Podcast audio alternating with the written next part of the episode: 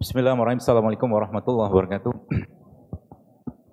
Alhamdulillah segala puji bagi Allah yang telah mempertemukan kita di rumahnya yang mulia ini.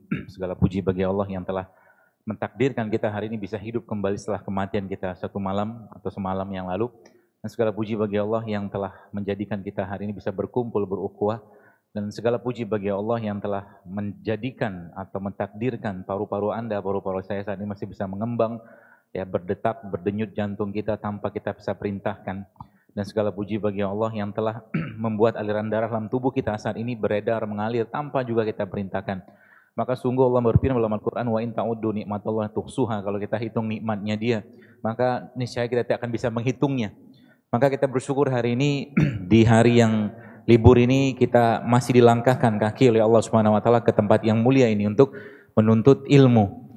Karena kalau mungkin saya boleh katakan Rasulullah SAW mengajarkan para sahabat zaman dulu jadi Madinah itu teman-teman sekalian sebuah kota kecil ya, sebuah kota kecil yang diapit oleh dua imperium besar, satunya Romawi, satunya Persia.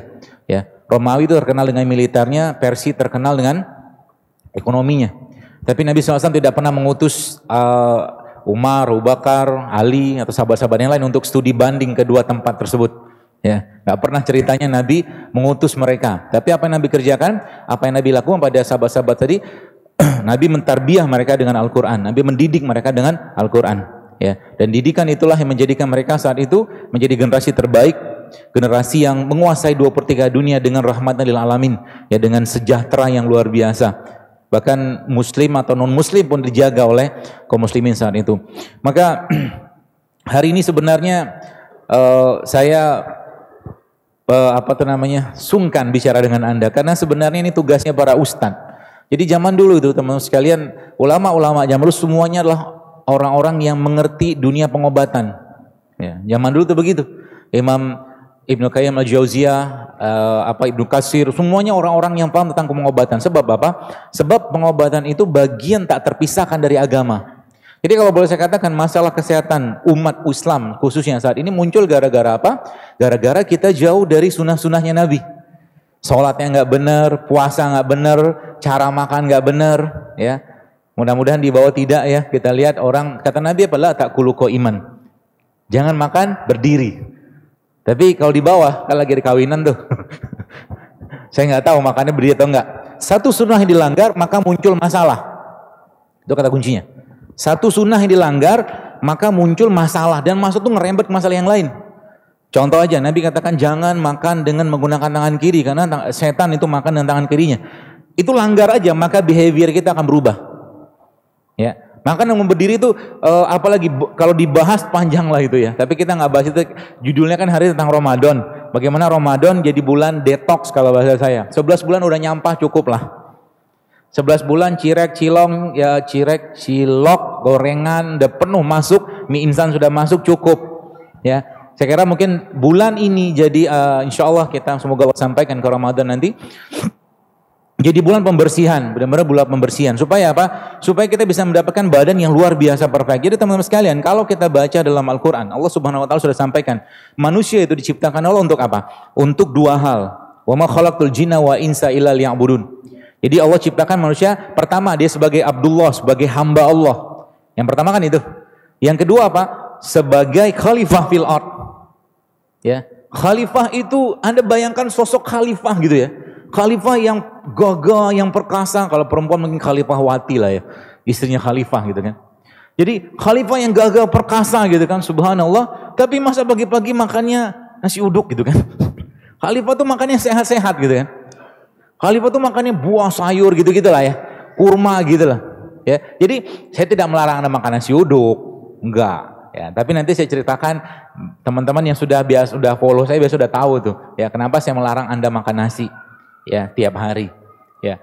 Ada beberapa yang memang saya larang ya, bukan saya mengatakan berhenti total bukan, tapi kita kembalikan kepada konsep nasi itu fungsinya buat apa gitu kan. Ya kalau kita ngerti ini maka insya Allah badan kita tuh ajibnya luar biasa ya.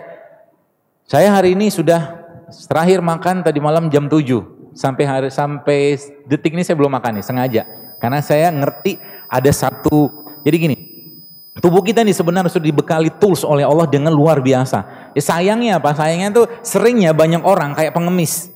Dia pengemis, seorang pengemis yang duduk di sebuah peti emas. Peti emas yang luar biasa banyak emasnya. Dia ngemis minta recehan kepada orang.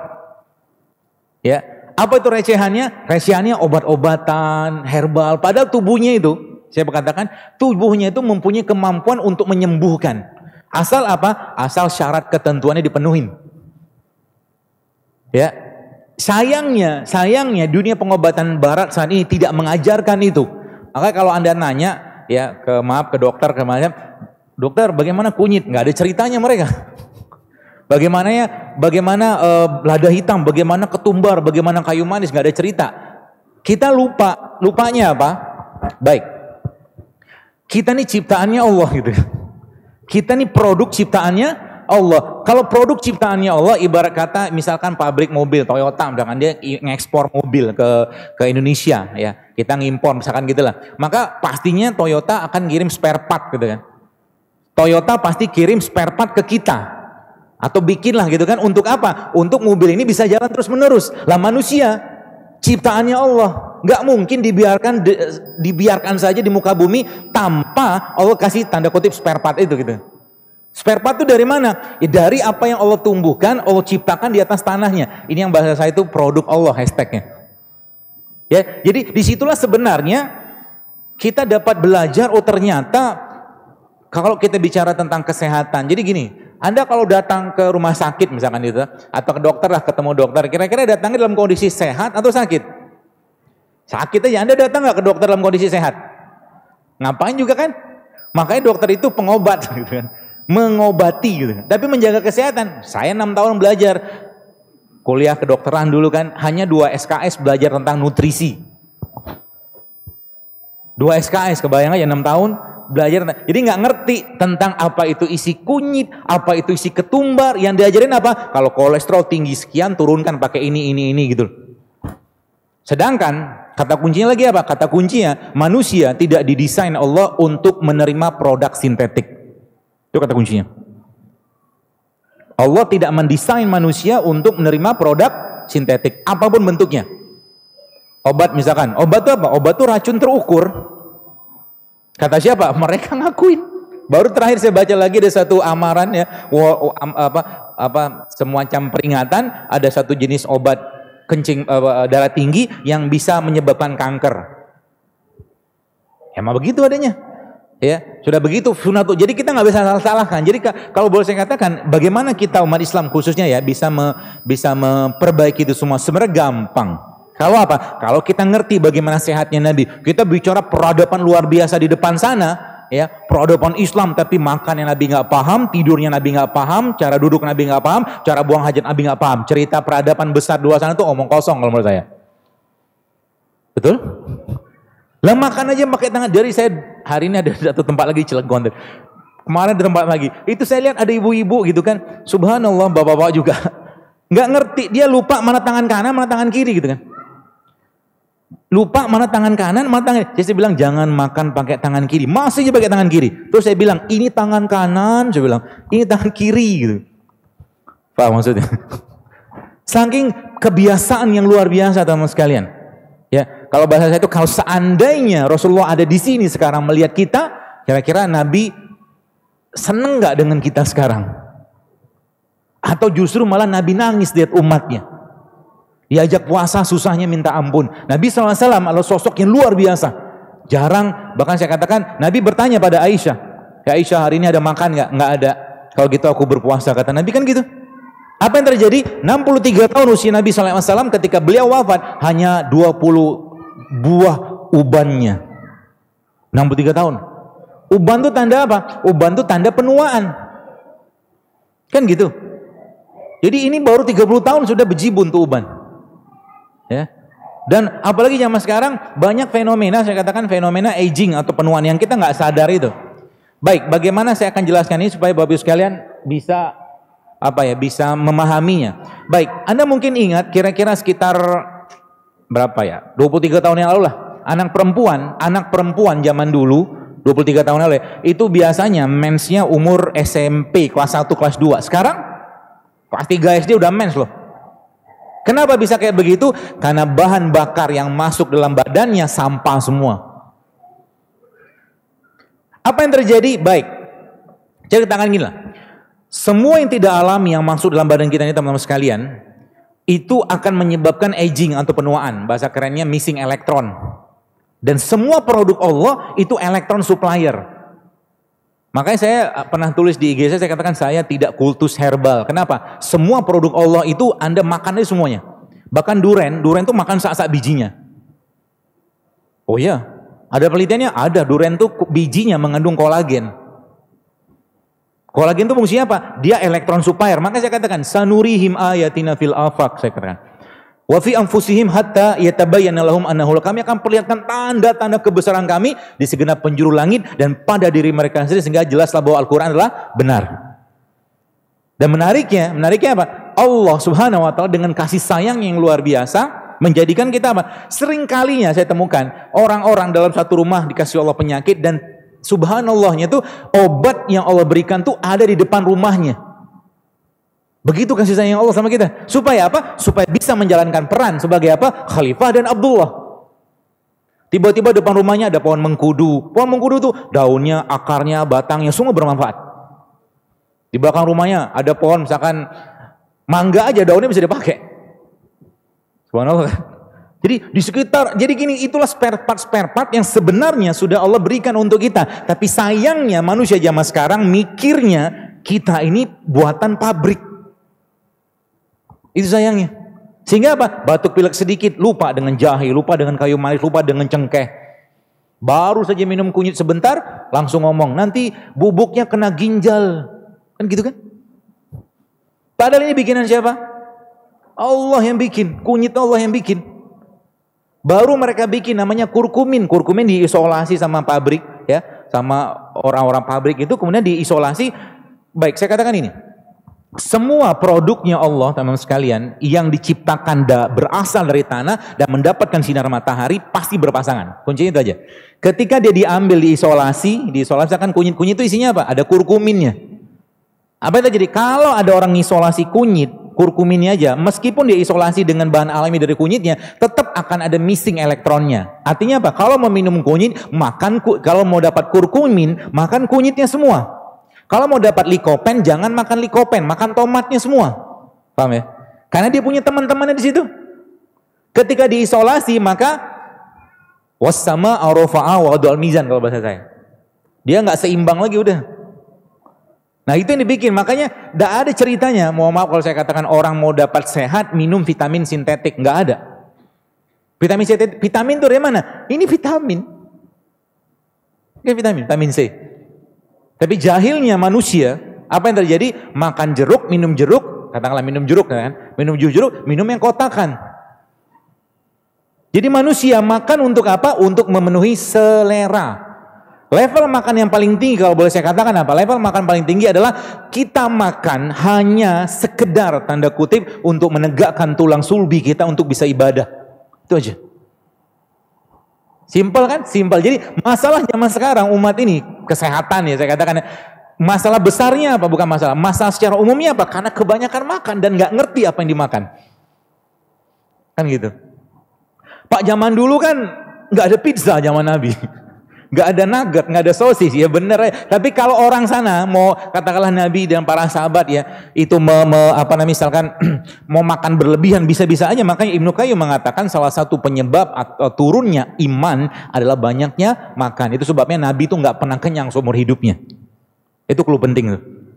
Nabi nggak pernah kenyang seumur hidup. Jadi artinya apa? Kalau anda mau sehat mulai sekarang jangan banyak makan. Kok bisa? Ya, jadi kalau bilang makan tiga kali sehari itu kalau boleh saya katakan keliru. Makan tuh kapan? Ya waktu lapar aja makan. Selesai kajiannya. Ya baik. Karena judulnya Ramadan, maka kita cerita sedikit nanti tentang Ramadan. Jadi kondisi kita zaman sekarang teman-teman sekalian, kelihatan Terlalu banyaknya makanan-makanan yang bukan lagi makan tapi food like substance. Dia itu sebenarnya substansi yang dikatakan makanan. Kalau Anda pengen makan protein, kan itu? Atau mungkin Anda pengen makan apa? Karbohidrat. Ya jangan makan keripik dalam kemasan gitu kan. Makanlah apa? Ya buah, ada sayur gitu lah kurang lebih. Dan tubuh kita ini tidak bisa dikotak-kotakan. Jadi kalau ada orang tanya, dokter apa obat kolesterol? Pertanyaan ini aja sudah salah. Kok bisa? Tubuh kita tuh dibikin Allah satu bagian tuh berhubungan semua. Makanya kalau saya tanya, kalau saya ada orang tanya sama saya obat kolesterol apa? Saya kasih yang menang banyak mau nggak? Mau. Apa itu? 8 plus 3 plus B. Apa itu 8? Puasa Senin Kamis 2 kali 4, 8. Tiganya puasa Aimul Bid, B-nya apa? Berbekam. Turun tuh kolesterol. Setuju nggak? Tapi susahnya orang lapar sebentar sudah ngomel minta ampun. Asin sebentar makanan sudah ngomel. Kapan mau sehatnya kita? Ya, Apalagi yang terjadi apa? Banyak orang lebih memuaskan rasa daripada gizi dari makanan. Ya. Nah, ini masalah sebenarnya ya. Apalagi mungkin teman-teman saya cerita sedikit, kita dulu ingat ya, kita dulu ingat ada satu proses ya. Proses di mana? Proses di alam namanya apa? Fotosintesis. Masih ingat? Fotosintesis menghasilkan apa?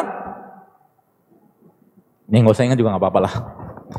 Nggak penting ini, ngapal Quran aja lebih bagus. Fotosintesis akan menghasilkan oksigen kan gitu. Ada cahaya, ada hidrogen transfer, ada elektron semua, ada energi. Yang akan dapat energinya siapa? Nih, beliau ini. Di sini ada energinya matahari, di sini ada nutrisinya tanah. Paham ya? Dan saya tanya, manusia diciptakan Allah dari apa? Dari tanah, baru ingat. Apa? Sudah lama ingatnya, cuma lupa. Ya, kalau udah lama ingatnya maka kembalikan unsurnya pada tanah. Itu itu sebabnya gini. Saya kasih tahu sedikit. Sains hanya menjelaskan. Sains itu hanya menjelaskan. Apa-apa yang Allah sampaikan dalam Al-Quran dan hadis itu pasti mutlak benar. Sains hanya menjelaskan, bukan membuktikan. Kalau saya punya pemahaman gitu. Sebab kalau bahasanya kita sains itu membuktikan, nanti kalau nggak sesuai dengan Al-Quran dan hadis, siapa yang mau dipercaya? Gitu lah. Misalkan Nabi katakan, Asyifa fi salasatin syarbatil asal. Madu itu kesembuhan itu ada pada madu. Maka dalam madu ada kesembuhan yang Allah dan Rasul janjikan. Mau bilang ada sains kek, mau ada sains kek, kami udah percaya bahwa madu itu ada kesembuhan. Makanya ketika lagi minum madu jangan cuma sekedar minum, minta dan tagih janji Allah dalam madu tadi gitu teman-teman. Paham ya? Dan ini kita sering lupa. Bahkan doanya kalau sakit-sakit doanya diubah mulai sekarang. Ya, doanya kalau lagi sakit, doanya diubah. Nanti Allah kasih petunjuk. Doanya diubah gimana? Ya Allah, aku adalah produk ciptaanmu ya Allah. Maka penyakit ini pun adalah berasal dari engkau ya Allah. Maka aku telah menzolimi diriku selama ini bla bla bla bla bla. Dan akhir akhirnya kasih tahu di ujungnya nanti. Maka berikan aku petunjuk apa produk yang kau ciptakan di atas tanahmu yang bisa mengobati dan menyembuhkan penyakitku ini dengan mudah dan murah. Nanti Allah kasih petunjuk tiba-tiba ketemu daun ini, daun ini gitu ceritanya. Itu yang dibilangin pengobatan tradisional. Siapa yang duluan perasaan? Conventional medicine ini saya katakan, saya tidak anti sih, cuman kadang-kadang agak bingung aja. Barulah 100 tahun ini muncul dari zaman dulu bapak bapak nenek moyang kita makan kunyit, makan temulawak, makan ini sehat-sehat aja tuh mereka. Betul nggak? Ya sekarang kita malah ketakutan, malah jauh dari begituan. Ya. Kemarin saya ada posting tentang kuaci. Kalau anda lihat kuaci, kuaci mana kuaci? Bawa kuaci nggak? Banyak jualannya saya. Kenapa dia bawa beginian? Biar ingat. Kayaknya ada kuaci, tapi bukan bahasanya kuaci. Ah, ini kuaci. Kuaci itu kan biji bunga matahari kan? Oh, bukan ini berarti. Alah. Ah, ini dia. Nih, kalau Anda yang baca di tulisan di IG tentang seed cycling, itu subhanallah luar biasa. Ya, kenapa luar biasa? Karena dalam dua benda ini ada estrogen, ada progesteronnya. Dalam dua benda ini. Dan yang luar biasa lagi apa? Saya kasih kasih tips awal dulu. Nanti Ramadannya kita bahas setelah ini. Teman-teman mungkin pernah, bukan pernah, nggak pernah juga nggak apa-apa sih.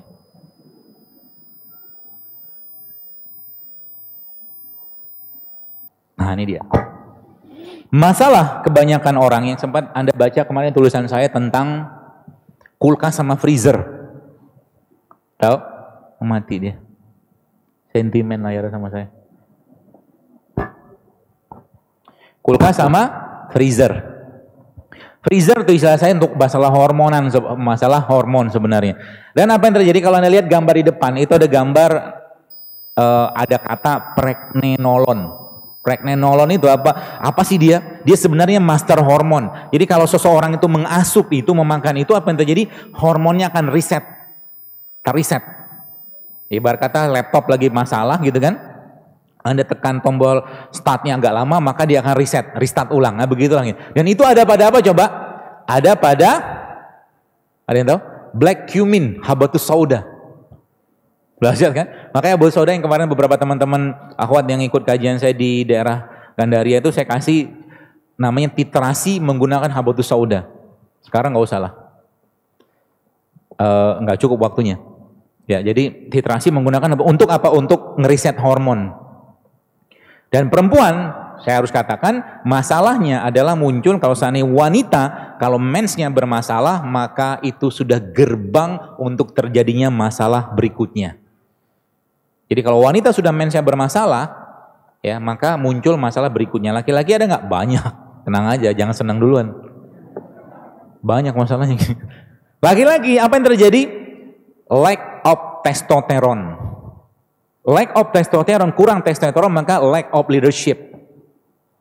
Zaman dulu laki-laki gagah perkasa, zaman sekarang, hah, sama istri aja takut, kan gitulah speak up sedikit nggak berani gitu kan. Gara-gara apa? Gara-garanya gara-gara kebanyakan estrogen atau senoestrogen. Dari mana itu?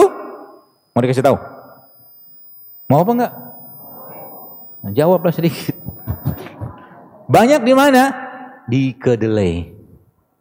Itu yang pertama. Belum belum selesai. Hal lagi. Dia akan merusak. Nih saya kasih tahu jadi kalau teman-teman lihat gambar ini, mungkin Anda akan berpikir ulang untuk makan produk ini. Apa ini? Mana dia ya?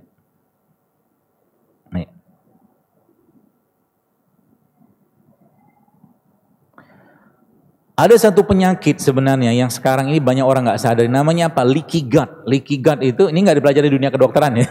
nggak ada ceritanya. Gut itu apa? bahan atau bagian yang ada pada usus itu keluar masuk ke dalam pembuluh darah.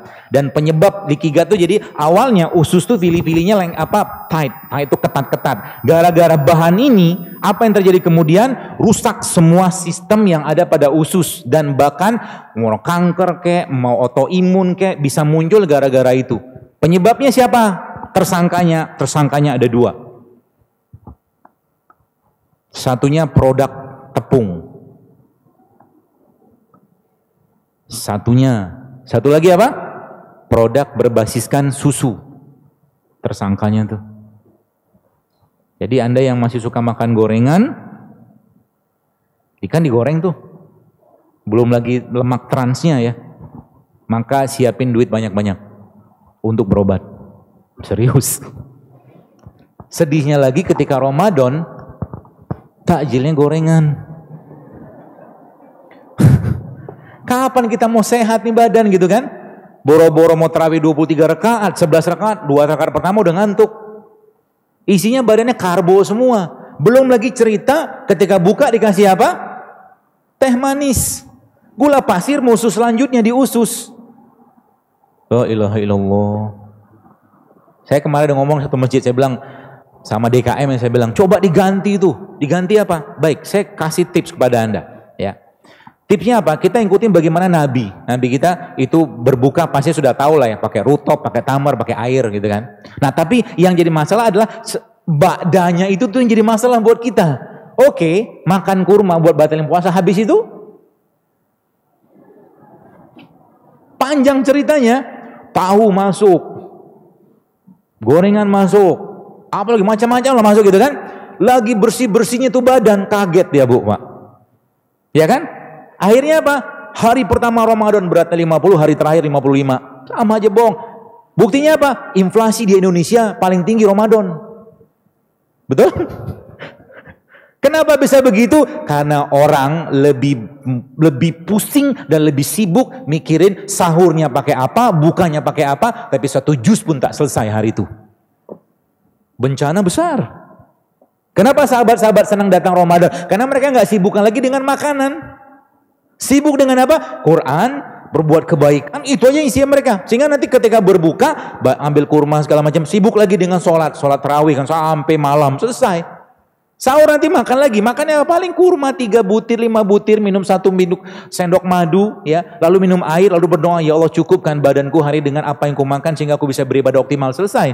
Makanya dalam Islam bahasanya apa? Ususnya kita itu satu makanan kita untuk tujuh usus, karena berkah makanannya. Paham? Ya. So kapan mau berubah?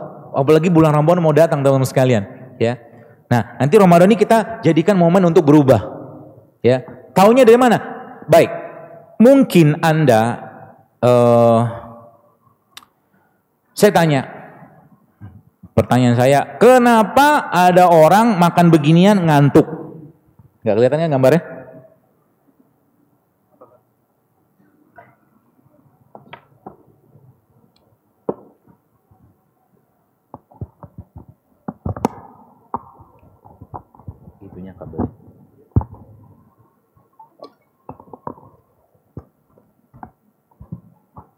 Semoga bisa. Haha,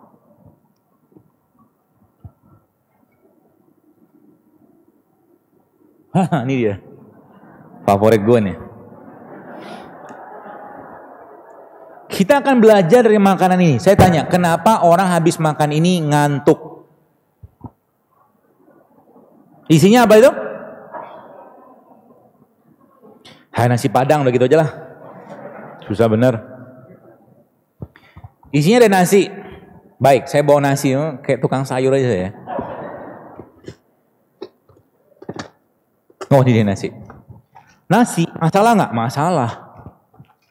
Beliau ini, kalau awalnya, kalau nasi biasa, oh nasi zaman dulu kalau orang tua gitu ambil lahan, tuk tuk tuk tuk tuk tuk makan, warnanya kuning, masih ada pembungkus kulitnya. Zaman sekarang, nasinya sudah miskin enzim, miskin nutrisi, sisa karbo doang. Gula doang. Makanya orang kena kencing manis biasa sama dokter dilarang makan nasi. Kenapa? Naikin gulanya cepet banget. Dan subhanallahnya luar biasa lagi apa teman-teman sekalian? Itu baru nasi, kita belum bahas yang lain. Di situ tuh. Subhanallahnya gini, Allah menciptakan malam tidur untuk kita untuk istirahat. Yang diistirahatkan apa sih? enzim yang diserahkan badan kita, hormon, vitamin, semua diserahkan untuk apa? Untuk tubuh bisa membangun lagi atau mengolah. Jadi gini, kalau ada suatu makanan dimakan, kalau Anda lihat gambar tadi yang gambar ada matahari tadi itu ya. Gambar apa tuh namanya? Mana dia? Nah, dia. Kalau Anda lihat gambar ini tadi, kan masih ingat tuh. Ini di sini ketika seseorang makan makanan harusnya makanan itu memberikan energi untuk dia. Kan gitu logikanya. Anda makan nasi, habis makan nasi bersemangat, dapat energi. Ini habis makan malah justru nggak ada energi. Artinya apa? Yang dimakan minus atau miskin gizinya, atau yang memakan itu orangnya miskin enzim. Itu aja. Sehingga apa? Tubuh kita kalau tidak ada dua hal tadi, apa yang terjadi? Dia akan shutdown. Dia minta rehat dulu. Untuk apa? Bikin enzim. Makanya kalau ada Anda gini, Anda makan begitu kan ngantuk. Sekarang saya tanya, apakah Anda ngantuk juga habis makan rujak? Enggak loh. Habis makan rujak biasanya nggak ngantuk. Rujaknya mau nggak pedas, mau pedas nggak ngantuk. Kenapa? Karena buah masih banyak enzimnya. Paham ya? Sini ya. Makanya Ramadan bulan untuk apa? Bulan untuk bersih-bersih kulkas, bersih-bersih freezer. Oh, maksudnya gitu lah. Glukosa masuk dalam tubuh kita teman-teman sekalian. Kalau nggak kepake diubah jadi glikogen. Glikogen kalau nggak kepake dia akan transform lagi di glikogen dia akan disimpan di mana? Di otot, sel, otot gitulah. Kalau nggak kepake dia akan disimpan lagi di mana? Di liver. Dan kita nih sebagian besar boleh saya katakan kita tuh banyak cadangan energi nggak kepake, banyak cadangan energi nggak kepake. Taunya dari mana? Gampang. Pertama, kalau anda dulu wajahnya begini persegi, sekarang wajahnya seperti bulan rembulan, maka banyak cadangan energi nggak kepake. Itu yang pertama. Lalu yang kedua apa? Tinggal pegang pinggangnya. Kalau banyak lipatan di sana, nggak usah pegang-pegang sekarang lah. Kalau banyak lipatan di sana, artinya apa? Jangan lagi kasih kalori. Paham ya? Dan kalau Anda udah ngerti konsep ini, baik, saya kasih tahu. Nih, sebenarnya ini penutupannya, tapi nggak apa-apa lah. Kalau Anda ngerti konsep ini, teman-teman sekali, Masya Allah luar biasa. Anda akan lebih senang berpuasa daripada makan. Baik, kalau Anda lihat gambar di depan, pada 20 jam, by hour 20, your body is a fat burning machine. Kalau Anda sudah bisa menahan lapar, bukan makan ya, minum boleh ya. Menahan lapar sampai 20 jam, maka tubuh Anda akan berubah menjadi mesin pembakar lemak yang luar biasa. Dahsyat kan tubuh kita. Itu saya katakan harta karunnya. Makanya umat Islam bisa katakan 250 juta. Kalau boleh saya katakan kita nih ya, kalau mau bantu pemerintah gitu kan, dengan presiden yang baru mudah-mudahan. Dah tau lah yang mana kan, saya nggak tahu. Pokoknya yang lebih soleh lah. ya, lagi heboh banget saya lihat tadi beritanya. Jadi, aminnya cepet ya. Jadi subhanallah ya saya katakan kalau kita mau bantu pemerintah subhanallah Indonesia ini penduduknya sebagian besar muslim. Saya katakan kalau kita mau berantas penyakit degeneratif subhanallah gampang sekali. Ajak umat Islam untuk tiap Senin Kamis ayam mulbit puasa. Turun semua. Sains memang membuktikan tentang itu. Sekarang Indonesia mau tambah penduduknya gampang, suruh aja puasa semua.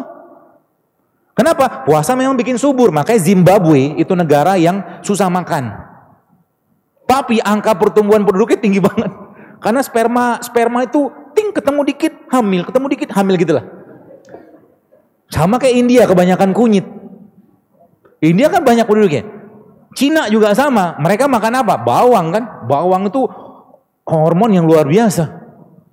Masya Allah kan? Simpel banget sebenarnya. Cuman kita tadi saya katakan, mungkin kita belum tahu. Ya makanya kalau teman-teman tahu konsep ini, maka insya Allah bulan Ramadan ini Harusnya kita jadikan menjadi bulan pembakaran lemak. bulan detox yang di detox apa? Sebenarnya bukan hanya detox detox detox raga fisik doang, tapi detox kolbu juga. Itu Nabi katakan kenapa? Kalau ada orang ngajak anda apa marahin anda, ngomongin anda, bilang aja saya sedang berpuasa kan gitu ceritanya. Maka lagi puasa jangan banyak omong, diem aja.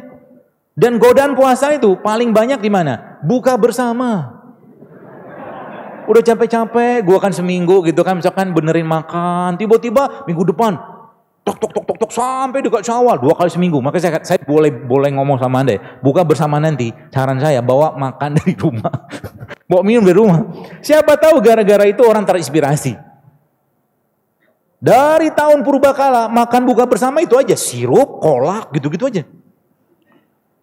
Masalah lagi kan? Jadi bulan Ramadan bukan justru malah jadi bulan pembersihan badan, bulan detox, tapi bulan nyampah yang kedua.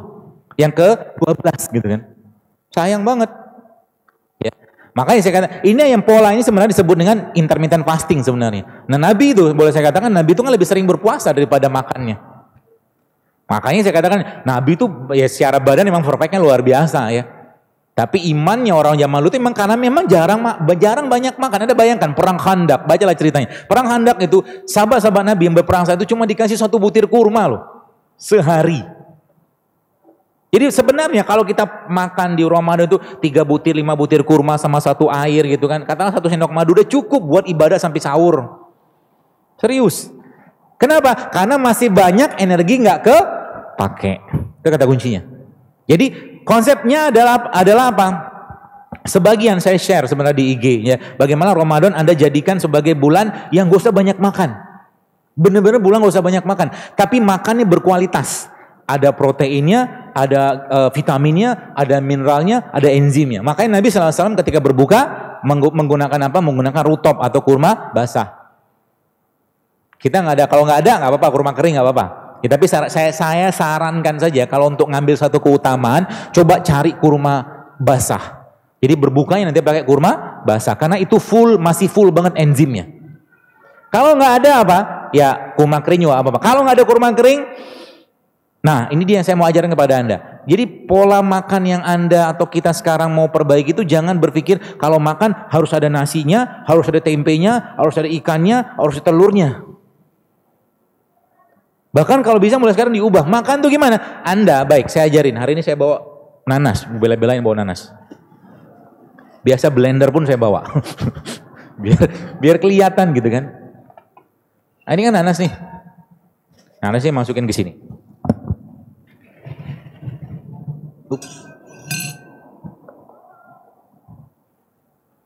Lalu nanas ini, teman-teman sekalian, nanas ini saya kasih madu. Gak usah banyak-banyak. Dikit aja. Ya, satu sendok gitu kan. Setelah, dikasih madu, ini bukan dia mau masak ya. Mohon maaf. Saya akan kasih nanas ini garam. Garam apa? Garam yang masih jelas atau masih bagus. Jadi nggak ada nggak ada kelirunya dengan garam sebenarnya, asal jangan garam refinasi. Saya barusan baca buku, buku ini sekarang oleh dokter juga dia katakan dia katakan orang Amerika dia cerita bahwa garam itu sebenarnya gak ada masalahnya kalau garamnya jangan kalau garamnya nggak refinasi. Nah masalahnya kayak sekarang nasinya sudah nasi refinasi, garamnya refinasi, gulanya refinasi. Refinasi refinasi maksudnya apa? Dibuang, di bleaching, di, diolah gitu kan. Sehingga apa? Sisanya cuman nutrisi tertentu aja di situ. Nah, udah begini apa yang terjadi? Anda masukin garam ke sini. Diduk-aduk. Ya dirujak. Ya kan? Ceritanya begitulah. Tapi Anda makan begini, dosa banyak-banyak juga. Apa yang terjadi? Maka kulkas Anda lagi dibersihin. Paham ya? Kulkasnya lagi di... Ini udah makan belum? Udah makan. Apalagi kalau Anda makan buahnya, buah yang ada bijinya. Wah, Mantap tuh. Contohnya apa? Manggis. Manggis tuh makan sama bijinya. Nanti kalau tumbuh gimana Pak? Kalau banyak nanti saya beli. Jadi pengusaha buah kan? Gak masuk akal pertanyaan. Sama juga dengan orang jambu biji gitu kan.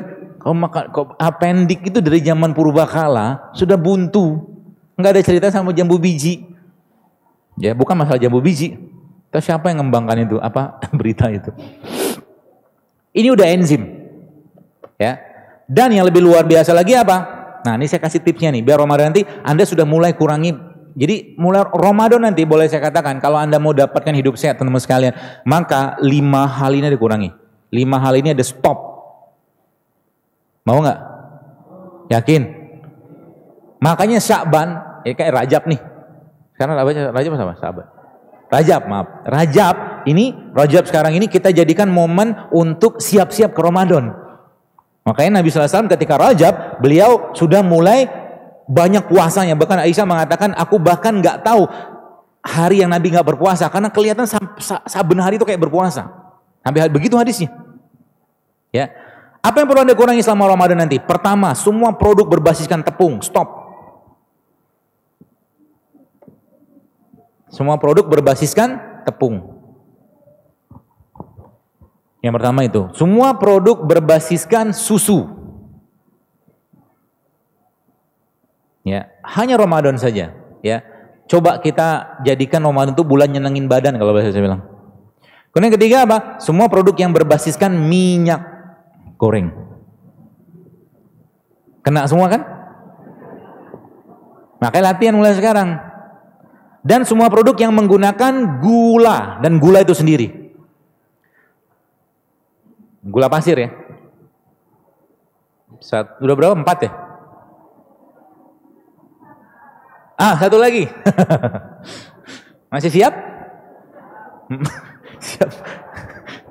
Yang terakhir, semua kurangi makan nasi putih. Insya Allah Anda tidak akan mati. Tenang aja. Ya. Ini kok hebohnya luar biasa. Biar kita nggak impor lagi nasi. Beras, maaf. Terus yang dimakan apa, Pak? kan gitu ceritanya. Sebagian ada saya share. Kan judulnya kita butuh protein kan gitu kan? Kita butuh protein. Benar kita butuh protein, tapi tidak mesti protein hewan. Sekali-sekali kita nggak usah makan protein hewan dulu. Protein dari mana? Anda bisa dapatkan dari nabati kan gitu. Protein nabati kan banyak. Kalaulah Anda pengen makan protein. Ya. Itu. Contohnya apa? Ya kacang-kacangan. Makanya saya pernah share tapi nggak belum di sini pasti belum. Namanya diet abasa. Diet abasa. Nah, ini protein. Apa ini? Nggak kelihatan kan? Ya iya jauh. Ini kacang. Kacang apa? Kacang almond.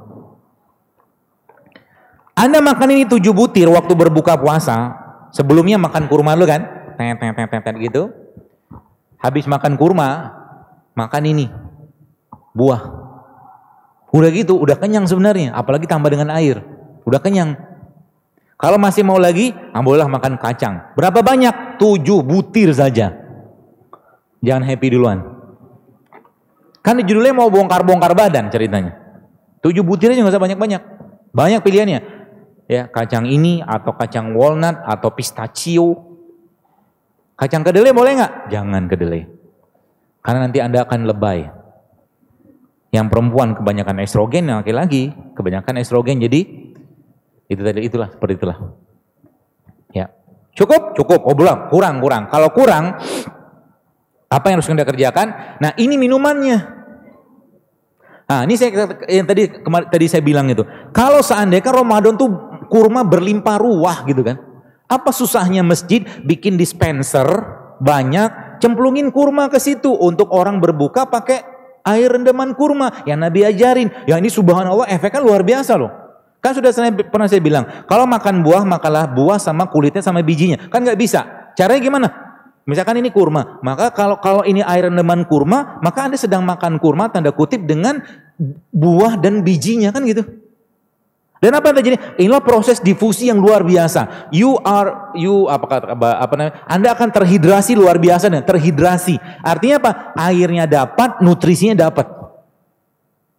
Dahsyat kan? Apalagi Indonesia kaya dengan rimpang-rimpangan. Jadi kalau Ramadan tuh saya katakan bikin tuh impus water, jangan lagi teh manis. Setuju nggak? DKM-nya pelan banget. Setuju. Biar orang biar bisa berbuka sehat di Masjid Al Asar. Nanti kita promoin itu. Ya, bikin kurma banyak. Terus apa lagi nih? Ini air dahsyat loh ini. Jadi kita tuh kalau makan produknya Allah, kalau bahasa saya, itu kita menang banyak loh. Menang banyaknya apa? Satu produk kayak begini isinya tuh luar biasa banyak. Ya. Jadi kalau contoh begini, contoh misalkan di sini ada sekarang hari ini saya bawa ini, saya bawa ketumbar. Ketumbar ini bukan hanya bermanfaat, katakanlah dia punya dia punya mineral, iya. Dia punya vitamin, iya. Tapi beyond that, di luar pada itu banyak lagi manfaatnya. Mari lihat kan di postingan saya di IG ada mbak-mbak, ibu-ibu cerita habis minum ini bapaknya yang ubanan, ubannya jadi hitam kembali. Loh serius? Kalau Anda belum waktunya tua, dia akan reverse balik, Bu, Pak. Syaratnya apa? Jangan nyampah. Tubuh kita untuk, jadi berkata cleaning service lah atau mungkin restoran malam-malam lagi mau tutup, ada kan pekerjanya tuh. Nah pekerjanya ini harus Anda supply makanan yang benar. Siapa dia? Vitamin kita, hormon kita, enzim kita gitu. Letaknya di mana? Jadi begini-begini nih, nih, nih, nih, nih. Ada biji-bijian, begini. Ini Anda minum. Jadi nanti dikasih dispenser banyak gitu kan. Ada air rendaman kurma, ada air rendaman kunyit, ada air rendaman cengkeh gitu kan. Oh subur banget tuh rahimnya nanti. Habis Ramadan nikahlah kalian belum nikah. Woi, dalam lama kemudian hamil ya. Gampang kan? ah gitulah kurang lebih ya. Subhanallah. Dan itulah kasih sayangnya Allah kalau saya. Jadi Allah tahu gitu kan untuk menjalani peri, peran sebagai Abdullah dan Khalifah tadi ya kita harus makanan yang sehat dan tidak mahal. Apa mahalnya ini? Ini isinya apa? Jadi kunyit itu ketika Anda campurkan dengan merica itu efek double-nya luar biasa. Kunyit akan teroptimasi kerjanya. Maka tadi malam ini saya bawa nih kunyit. Saya cemplungin kunyit, cuma dua ruas kunyit dan tidak masalah. Ya, tidak ada masalah. Kunyit bisa bikin mandul, iya. Kalau minumnya seember. Ya kalau kunyit cuma dua ruas kayak beginian gitu kan, ada almarhum ada mbak-mbak, ibu-ibu lah saya nggak tahu tuh. Dok, ini saya bawa jurnal nih, dia bilang. Jurnal ini mengatakan minum kunyit katanya bikin mandul. Iya kalau banyak. Kan tadi ayat dibacakan di depan tadi kan, wakulu wasrobu walatus ribu. Jangan berlebihan. Ya, jangan berlebihan. Semua kalau berlebihan jadi masalah. Ya. Semua yang Allah ciptakan tidak ada masalah sebenarnya. Uh, contoh apa? Pete. Pete itu bagus nggak? Bagus, makan aja. Jangan banyak-banyak. Tiga butir, dua butir, kalau suka. Ya, semangka misalkan, semangka tuh saya pernah share kan. Jadi semangka itu sebenarnya kalau boleh saya kalau boleh saya saran Anda makan semangka, makan semangka tuh sama kulit-kulit ijonya. Oh iya, ada penelitiannya? Ada. Saya ada ngobrol sama seorang teman dia peneliti, ada penelitian dalam semangka kulit semangka hijau itu ada gelatinnya, ada kolagennya banyak banget. Kalau nggak bisa makan begituan gimana? Udah potong aja semangka, cemplungin ke sini kan jadi. Itu sudah Nabi ajarkan. Nabi pakai kurma zaman dulu. Kalau kita di Indonesia nggak ada kurma, nggak banyak kurma, maka anda bisa nyemplungin ketumbar, eh, apa, nyemplungin kayu manis, nyemplungin jahe, nyemplungin kunyit, segala macam bisa nyemplung dan rasanya akan very very light. Very light itu maksudnya ringan banget. Jadi kalau anda minum makan misalkan rimpang ya, rimpang tuh kayak kunyit uh, atau jahe anda rebus sama anda rendam lebih enakan ini kalau saya. Ya. Dan ini teman-teman sekalian, kalau boleh saya katakan kalau kita jadi apa pun yang Anda makan itu akan mempengaruhi gen. Jadi kalau boleh saya katakan, sekarang kalau belum nikah, kalau masih nyampah artinya Anda sedang mempersiapkan mewariskan gen-gen kerupuk saya bilang. Mereka nyebutnya damage protein on DNA. Ngerti apa Rakson? Kerusakan itulah pokoknya. Kerusakan protein yang akhirnya DNA-nya bermasalah. Karena bahan baku DNA itu asam amino. Jelas ya? Asam amino letaknya di mana? Di begini-beginian ini asam amino semua. Dan tidak ada asam amino itu di gorengan, cilok, cireng gitu, nasi, nggak ada asam amino itu. Ada di mana? Nih asam amino nih, enzim. Di sini ada. Jelas ya? Jadi nanti bulan Ramadan itu kendalikan hawa nafsu Anda. Sebab apa? Sebab begini katanya, kata orang-orang ilmuwan itu. Hunger is the element, the first element of self discipline. Jadi lapar itu adalah disiplin pertama kita. Kalau you can control hunger, you can control everything else. Ya, nanti ketika ada makan depan Anda berjalan, Anda tidak tergoda, wah keren tuh. Kan biasa begitu tuh. Apalagi Ramadan tuh kalau lagi siang-siang panas gitu kan, lihat orang yang puasa minum ini minum itu gitu kan luar biasa godaannya. Lalu bacalah apa? Auzubillahiminasyaitonirrajim termasuk juga nanti waktu iftar. Ketika cendol lewat auzubillahiminasyaitonirrajim ketika sirup kolang kaling tuh sehat rumput laut tuh sehat tapi jangan kasih sirup. Sirup yang nggak sehat. Kasih apa? Kasih madu kalau nggak ada madu, ya gula aren lebih bagus. Kalau nggak apa, udah makan gitu aja. Kolang kaling sama rumput lautnya ada campur sama gula aren, gula gula aren, bukan gula merah ya. Gula aren atau gula kelapa itu jauh lebih sehat daripada makan kolang kaling sama rumput laut pakai sirup. Simpel kan? Simpel. Murah nggak? Murah. Subhanallah kan? Jadi kita dapat enzimnya, dapat protein. Apalagi kolang kaling itu, subhanallah. Kolang kaling itu, kolang kaling, kolang.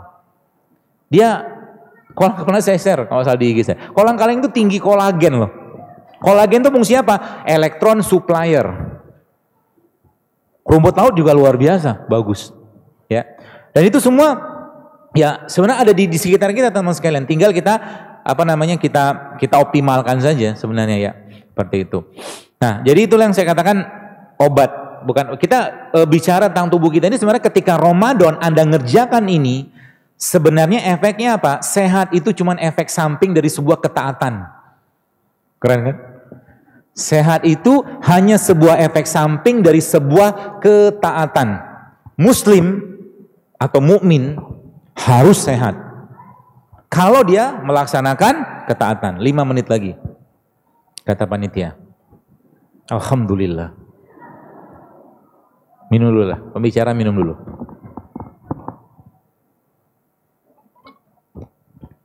Jadi nanti Anda bisa campur kayak uh, apa tuh ya? Kunyit ke, uh, kencur anda campur dengan uh, black pepper. Lada hitam. Cemplungin aja kayak gini. Ya dan gak usah direfill kalau sudah selesai masa usianya buang aja. Nggak bagus kalau direfill termasuk juga kurma. Tiap hari minum begini aja. Apa yang terjadi? Tubuh anda akan kebanjiran vitamin mineral semua kebanjiran di sini. Gitu. Kayak calon wapres yang sekarang dulu. Dia kan bawa air lemon tuh. Itu. Nggak usah dibahas. ya. Baik, itu ya teman-teman sekalian ya. Jadi itu caranya. Jadi itu salah satu yang kita bisa aktifkan. Dan terakhir, nah ini dia nih. Nanti kalau Anda makan kurma, kan judulnya ada kurma nggak sini? Oh ada. Oh komplit. Ada kurma. Kalau Anda makan kurma, Nabi SAW biasa makan kurma dengan semangka. Kenapa? Sains ternyata menjelaskan bahwa ternyata Fa atau besi yang ada pada kurma ini itu terikat dengan sangat sempurna dan bisa meningkatkan fungsi Fa itu ketika dia ketemu sama vitamin C. Maka makanlah kurma dengan semangka atau jeruk. Kan tinggi itu vitamin C-nya. Atau atau apa lagi? Biar Anda kuat tulang-tulangnya, habis Anda makan kurma, Anda ngapain? Anda minum persan jeruk nipis sama madu. Wah, you are strong man lah. Minum itu. Vitamin C dapat, enzim dapat, semua dapat. Dan perkasa luar biasa. Kenapa? Ada besi di sini. Kuat kita nanti. Dan jangan berlebihan. Termasuk ibu-ibu yang mau hamil atau sedang hamil. Makan kurma, makan kurma boleh nggak? Boleh. Tiap hari, tiap hari. Tapi hanya tujuh butir cukup. Gak usah lebih. Kita masih butuh energi nggak? Masih butuh. Kita butuh protein. Protein kita dapat dari mana? Dari beliau ini. Ini minyak. Minyak apa? Ini minyak zaitun.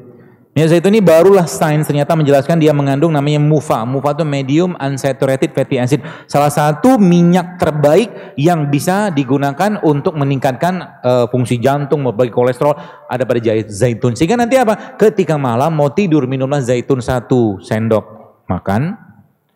Ketika Anda bangun ketika sahur, jadi sahurnya gimana nanti Pak? Gampang. Sahurnya gimana? Anda minum infus kayak beginian, Anda makan kurma tiga butir, minum ini satu bot satu botol. Bagus memang sudah dibatasin ya, biar nggak nggak roaming.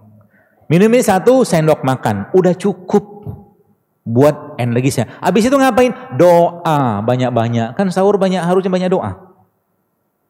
Ya Allah kuatkan aku hari untuk beribadah, kuatkan baca Quran ya. Teman-teman kemarin ada, ada lihat postingan saya tentang Ramadan nih. Kalau bisa jadikan Ramadan terbaik. Paksain diri Anda kalau bisa satu hari tembus 10 juz. Bisa nggak? Bisa cuma butuh 5 jam kok. Satu juz itu kira lebih setengah, tinggal setengah jam lah kalau Anda baca lancar. Katakanlah agak-agak sedikit belepotan, 40 menit lah. 40 menit katakanlah kali 10 ya kurang lebih nggak nggak ada nggak ada 6 jam 5 6 jam something lah cuman. Push yourself. Sebab apa? Ibadah itu kalau nggak dipaksain sampai bila-bila masa, kata orang Malaysia bilang, nggak bakal bisa. Sampai mati pun kalau kita nggak maksain tahajud, nggak bakal bisa. Serius. Sampai kapan pun kalau kita nggak maksain sholat duha, 12 rakaat, nggak bakal bisa. Serius. Ibadah itu kudu dipaksain. Apalagi Ramadan, pahalanya luar biasa besar. Yang biasa sedekah sekarang 10 ribu, goceng gitu kan. Ramadan, paksain sodako yang besar gitu kan. Apalagi kalau kita baca Al-Quran. Minta sama Allah. Jadi ketika Anda baca Quran nanti, minta sama Allah, ya Allah, jika ada penyakit dalam badanku, dalam kolbuku, maka jadikan Al-Quran ini sebagai penyembuhnya. Itu janji Allah begitu. Maka, apa yang terjadi? Subhanallah, Al-Quran akan merontokkan radikal bebas kalau bahasa saya. Radikal bebas di mana? Radikal bebas di dalam kolbu kita. Radikal bebas yang ada dalam aliran darah kita. Radikal bebas yang ada pada organ-organ kita. Subhanallah kan? Maka Allah katakan apa dalam Quran? Wa nunazzilu minal Quran ma huwa syifa wa rahmatul lil mu'minin. Dan kami turunkan Al-Quran itu sebagai syifa, sebagai penyembuh. Maka Anda, kita harus amat sangat yakin bahwa Al-Quran itu memang penyembuh. Syaratnya gimana? Sama ketika Anda atau seseorang sakit. Dua menit lagi ya? Habis. Satu menit deh. Ketika Anda sakit, berobat ke dokter atau mungkin berobat ke herbalis, lalu Anda dikasih obat, katakanlah minumlah Pak ya tiga kali lima kapsul atau tiga kali 500 miligram, nggak sembuh, naikin dosis sama dia, kan gitu. Maka sama juga dengan Al-Quran. Al-Quran ketika belum memberikan efek, naikkan dosisnya. Dahsyat kan? Naikkan dosis baca Al-Quran sampai apa? Sampai khoru sujada wa Kita tersungkur, bersujud, menangis, minta ampun sama Allah, maka saat itulah Allah akan mencurahkan rahmat dan ampunannya, penyakit-penyakitnya dibuang oleh Allah Subhanahu wa taala. Itu dahsyatnya bulan Ramadan. Ya, maka jangan sibuk dengan makanan bulan Ramadan. Itu kata kuncinya. Sibuk dengan ibadah aja. Banyakin zikir, mungkin yang kerja, ya saya katakan kalau memang sudah selesai kerjaannya ya udah baca Quran, pegang Quran. Ya. Dan kita harus komitmen untuk di Ramadan itu khususnya kita menjadi sahibul Quran. Kita menjadi temannya atau sahabatnya Quran. Gitu ya teman-teman sekalian mudah-mudahan bermanfaat. Dan eh, kajian-kajian uh, saya khususnya ya, saya katakan ini bukan kajian untuk sekedar dicatat tapi dipraktekkan. Kalau cuma catat doang, besok masih nyampah lagi sama juga bohong. Gak usah datang kajiannya. Anda harus berubah. Sebab apa? apa yang kita masukkan dalam diri kita saat ini itu akan menjadi gen yang akan kita wariskan ke generasi depan. Ya, dan kita lihat Indonesia saat ini luar biasa besar ya. Apa saya boleh saya katakan?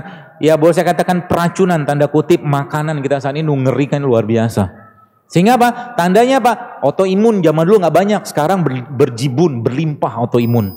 Penyakit-penyakit yang nggak ada 50 tahun itu sekarang muncul luar biasa. Gara-gara apa? Gara-gara orang Indonesia udah nggak kenal lagi dengan kunyit, dengan jahe, dengan ketumbar. Kenalnya dengan apa? Dengan fast food segala macam gitu-gitulah. Yuk berubah. Allah alam Assalamualaikum warahmatullahi wabarakatuh.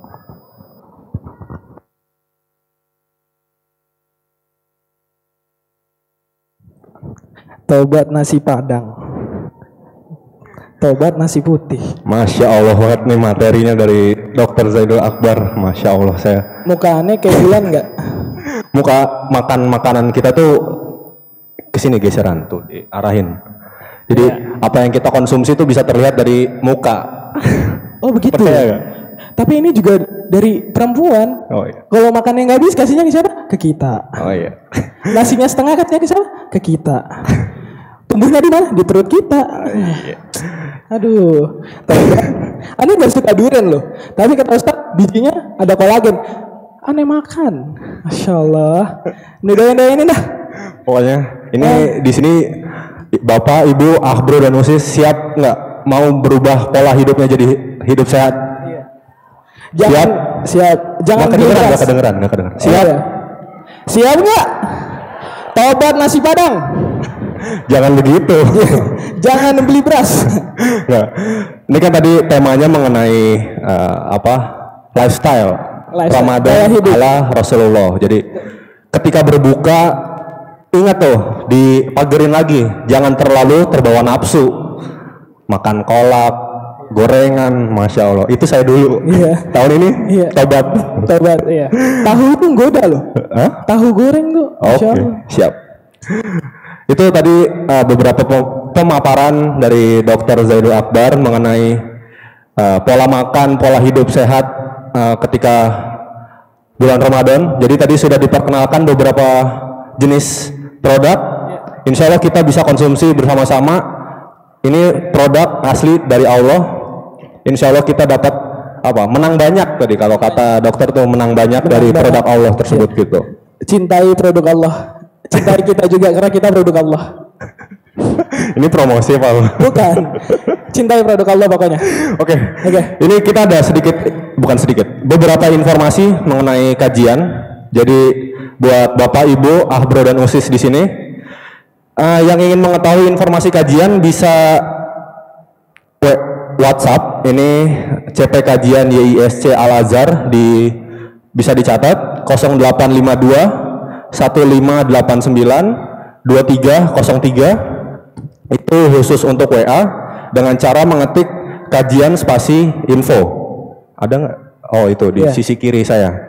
Uh, bisa di, diulang 0852 1589 2303 itu khusus untuk WA dengan cara ketik kajian spasi info. Jadi bagi Bapak Ibu, Ahbro dan Usis yang mau tahu info kajian YISC Al Azhar juga bisa follow Instagram. Uh, jadi jangan cuman follow Dr. Zaidul Akbar, follow juga uh, Instagram YISC Al Azhar at YISC underscore Al Azhar. Jadi di IG tersebut juga ada info kajian dan juga kegiatan uh, seperti archery, bela diri, kegiatan sosial, teis, teater dan juga lain-lain. Jadi silahkan di follow Instagramnya at YISC underscore Al Azhar. Uh, kajian hari ini dipersembahkan oleh CRCM Cahaya Ramadan Cahaya Masjid merupakan agenda tahunan yang diselenggarakan oleh Yisa Lazar pada bulan Ramadan.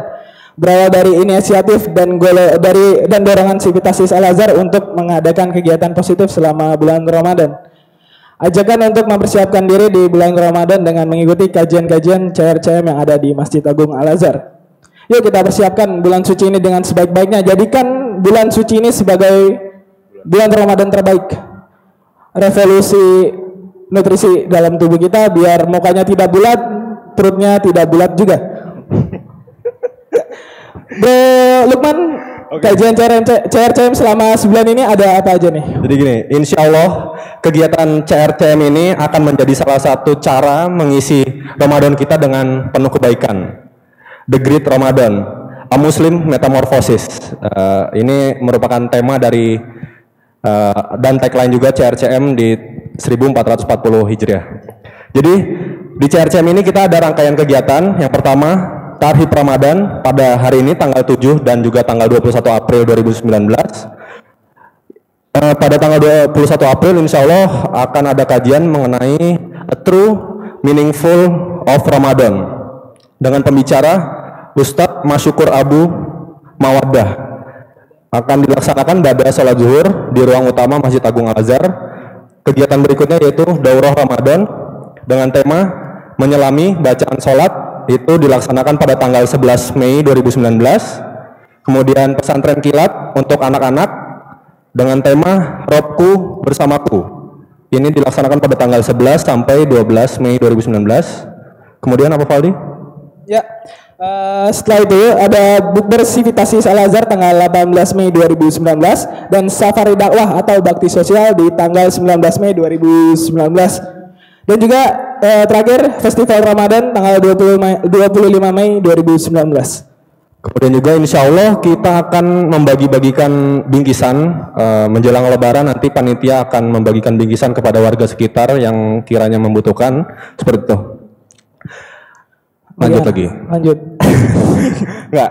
Ini tadi saya lihat dari panitia tuh pertanyaan sangat banyak. Iya. Uh, sangat antusias lah jamaah di sini Bapak Ibu Ahbrosis mengirimkan pertanyaan ini. Selagi Ustadz juga memilih beberapa pertanyaan, jadi kita mohon maaf sebelumnya apabila dari beberapa pertanyaan Bapak Ibu Ahbro dan Usis ada yang tidak terjawab dan dibacakan, kami mohon maaf. Namanya juga cowok. Serba salah. Serba salah, oh. cowok. Oke. Okay. Jadi gitu. Ini sambil Ustadz sudah Ustadz sudah siap? Siap. Jadi ini Ustadz akan membacakan beberapa pertanyaan. Insya Allah jawabannya juga memberikan apa? Memberikan motivasi lebih nah. untuk memperbaiki pola makan. Betul. Sekali lagi mohon maaf untuk pertanyaan yang tidak bisa terjawab karena uh, pertanyaannya banyak sekali bro. Banyak sekali. Ini saya sangat berterima kasih atas antusias jamaah di Masjid Agung Al Azhar ini. Ini juga kemudian kita harus berterima kasih kepada jamaah atas infak uh, melalui kotak sunduk yang beredar. Jadi insya Allah infak tersebut akan digunakan untuk mendukung seluruh kegiatan di YISC Al Azhar seperti itu. Ini ada lagi? Satu lagi. Ada lagi? Uh, Oke. Okay. Donasi uh, dapat disalurkan melalui transfer ke Bank Syariah Mandiri nomor rekening 788 saya ulangi uh, untuk donasi dapat melalui Bank Syariah Mandiri untuk nomor rekeningnya 7 triple 8 triple 2 458 atas nama Yis Al Azhar QQ Sekum. Saya ulangi lagi untuk nomor rekening donasi ada di 7888 222 458 atas nama Yis Al Azhar QQ Sekum.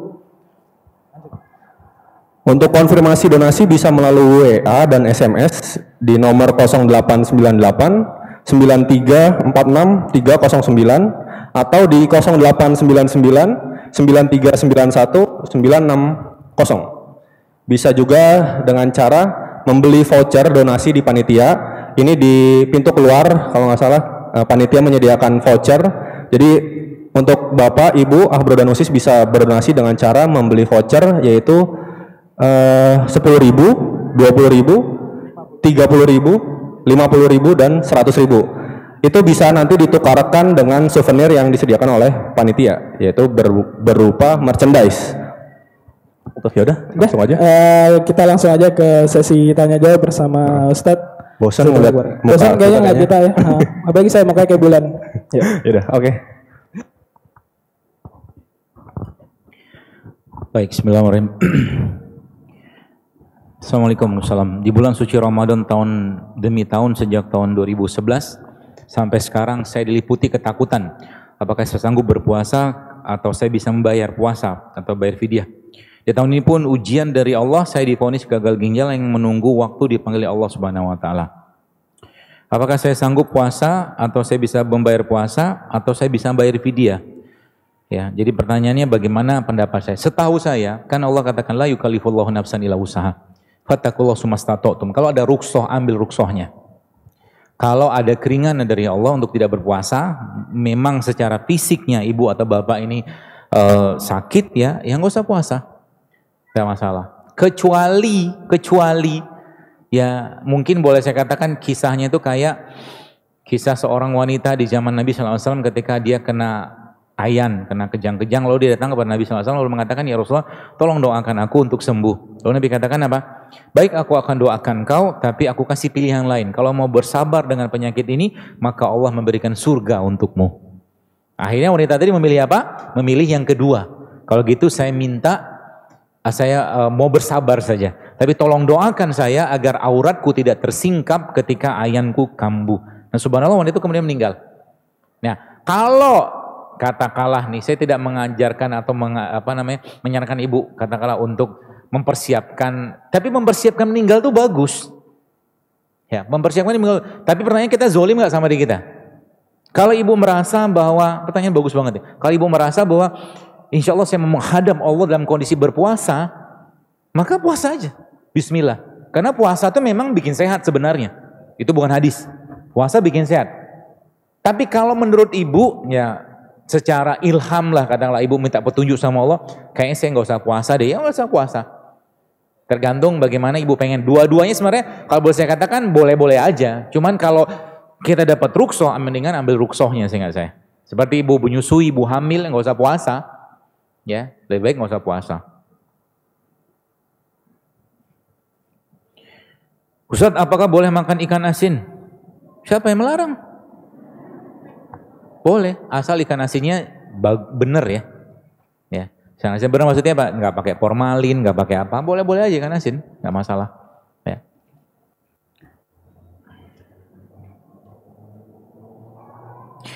Tadi dikatakan bahwa ketika mens tidak teratur adalah awal dari berbagai, awal dari berbagai penyakit. Apakah bisa disembuhkan? Bisa. Syaratnya apa? Jangan nyampah dulu. If you want to cure someone, kalau anda mau ngobatin seseorang, ask them to stop what make them sick. Kalau ngobatin orang, stop dulu apa yang membuat mereka sakit. Yang membuat mereka sakit apa? Itu yang saya katakan lima hal dan empat hal tadi. Itu bikin sakit. Sama satu lagi, semua makanan yang diolah, diproses. Saran saya, jangan jadikan makanan tiap hari. Kalau Anda pengen camil-camilan, bawa dari rumah, bawa buah, ya bawa kacang-kacangan, itu jauh lebih baik daripada Anda beli yang kemasan-kemasan itu, teman sekalian. Saran saya begitu. Kenapa? Seringnya kita nggak sadar, kita makan kalori kalori luar biasa tinggi loh ketika Anda minum satu botol teh manis yang pakai ya botol tuh Itu tinggi kalorinya loh itu bisa 100 200 kalori dan itu cukup banyak energi yang kepake apa termasuk dalam tubuh kita. Jadi saran saya jangan. Termasuk saya ada ibu teman dia pengurus jamaah kajian saya juga. Ibu itu subhanallah kena autoimun. Saya lupa dia sebut autoimun. Tapi 4 5 tahun dia makan obat steroid ya. Dan itu luar biasa menderitanya dia. Ya, menderita luar biasa. Dan umurnya 43 tahun gara-gara autoimun tadi dan gara-gara makan obat tadi akhirnya dia menopause. 43 tahun. Dan ketika diperbaiki pola hidupnya, jadi saya nggak saya ngasih obat apa nggak ngasih obat, perbaiki pola makan, benerin makan.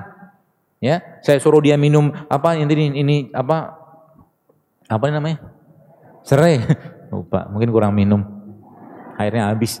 Jadi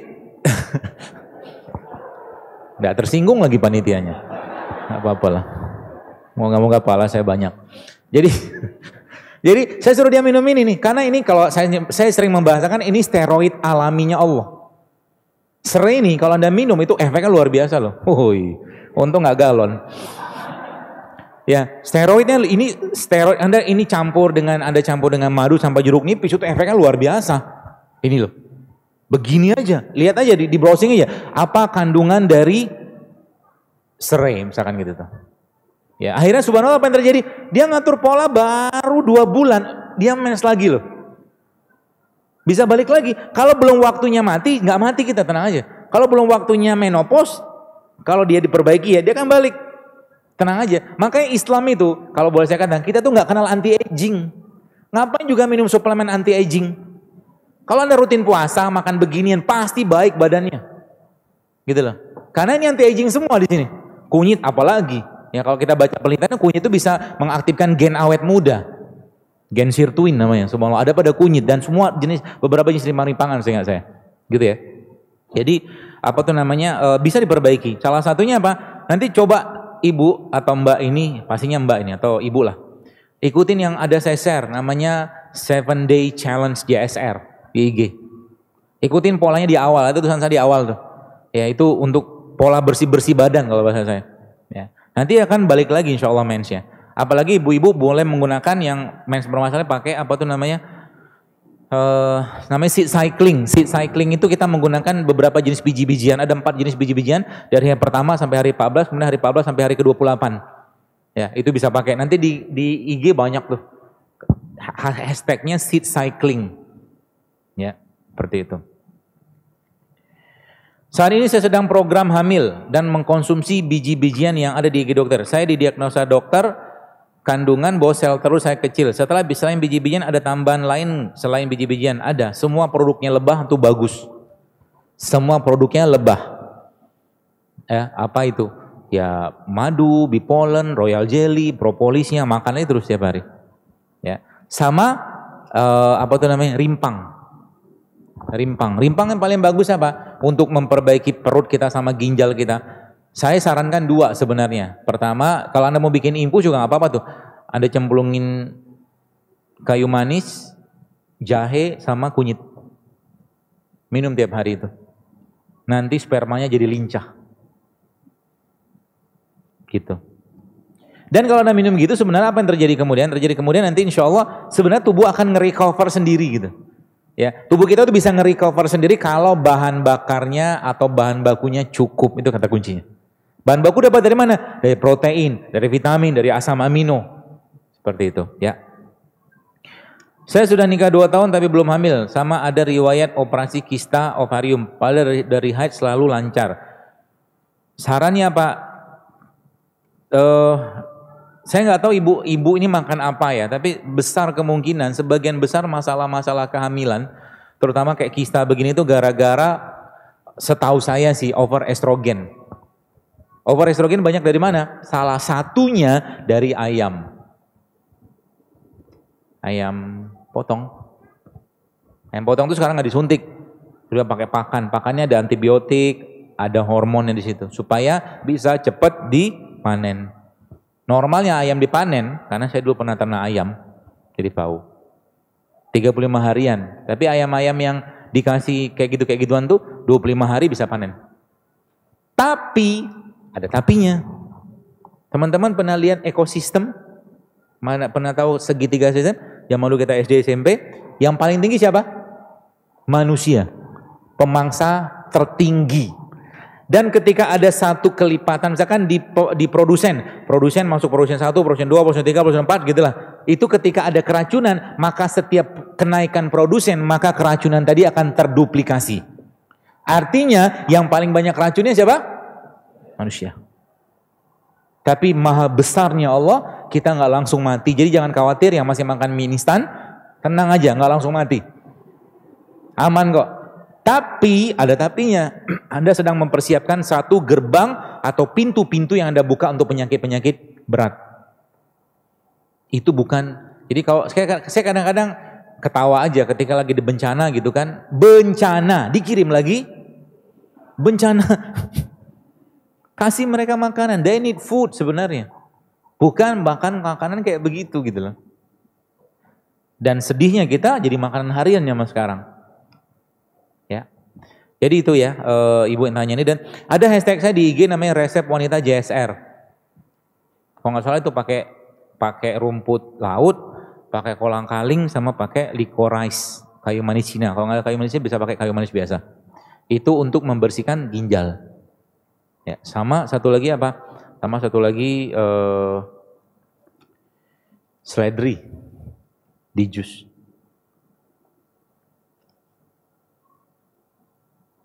Produk Allah apa saja yang dapat membantu menyembuhkan leaky gut? Semua jenis bumbu. Semua jenis bumbu. Cengkeh, jahe, kayu manis, kapulaga, pernah saya share waktu kan, itu cemplungnya kayak bikin bumbu soto itu loh. Itu semuanya obat untuk leaky gut. Ya, catatannya apa? Jangan lagi masukin gluten sama dairy. Ya, leaky gut itu ya bisa disembuhkan dengan itu. Ya, dan yang paling luar biasa sebenarnya paling kalau kita sering nyebutnya the king of rimpang itu jahe sebenarnya. Ya, jahe sama kayu manis tuh kalau berdasarkan Anda mulai rutinkan dalam jumlah kecil aja. Sama satu lagi habatus sauda, makan tiap hari. Dia akan membersihkan, memperbaiki gut. Ya. Makanya kalau udah kalau sudah diperbaiki maka dia akan uh, apa tuh namanya? Dia akan rapat kembali. Jadi semua jenis bumbu. Kapulaga, kayu manis gitu-gitu. Apakah makanan rebus-rebusan seperti kentang rebus, telur rebus, labu siam rebus itu sudah mencukupi tubuh dalam satu hari? Enggak. Enggak, tergantung Anda gini, sebenarnya diet itu enggak ada kalau saya membahasakan. Kalau Anda makannya benar, makannya seimbang, tubuh akan normal-normal saja dia. Berat badan akan turun. Ya. Sekarang misalkan kita bicara tentang orang yang kena misalkan hiperkolesterol. Hiperkolesterol itu kenapa? Ya karena perutnya nggak bisa ngolah makanan, karena livernya juga bermasalah, seterusnya lah. Sehingga diobatin apa? Suruh dia puasa dulu. Nanti apa yang terjadi? Tubuhnya akan nge-recover lagi sebenarnya. Jangan ngobatin. Jadi kalau saya ditanya, apakah makan begini bisa nurunin, bisa nurunin kolesterol? Bisa, asal puasa aja. Bisa nurunin kolesterol. Bahkan makan begini yang bisa untuk asam urat juga. So simple lah seperti itu ya. Jadi Kentang rebus, kentang rebus isinya apa? Kentang rebus, kentang. Kentang itu karbo. Bagus nggak? Bagus. Telur rebus, telur itu protein. Telur itu jangan digoreng. Rusak proteinnya. Jadi jangan makan telur yang digoreng. Telur yang bagus, yang paling bagus apa? Mentah sebenarnya. Kalau nggak setengah matang, kasih lada sama garam. Jadi deh. Labu siam, labu sisinya apa? Ada vitamin, ada mineralnya, ada karbonya juga. Ya. Jadi intinya apa? Ada proteinnya. Jadi contoh gini lah. Karena gini, kita tuh selama ini ada satu satu hal yang perlu kita, saya pribadi merasa perlu dikoreksi saya pribadi sih ya. Entah benar atau enggak. Yaitu pola makan empat sehat lima sempurna itu loh. Ya. Jadi dimakan semua. Ya, kalau kita lihat bagaimana pola makan pola makan Nabi itu sederhana, enggak berlebihan, enggak banyak, dalam satu waktu. Jadi kalau Anda sudah makan telur, jangan lagi makan daging. Kalau Anda sudah makan tempe, tempe itu kan protein. Jangan lagi makan daging karena sudah sama-sama protein. Kalau Anda sudah makan misalkan kentang, jangan lagi makan nasi. Jadi boleh nggak makan nasi? Boleh. Nasi apa? Nasi merah, nasi hitam, atau beras pecah kulit. Nggak masalah, tapi jangan banyak.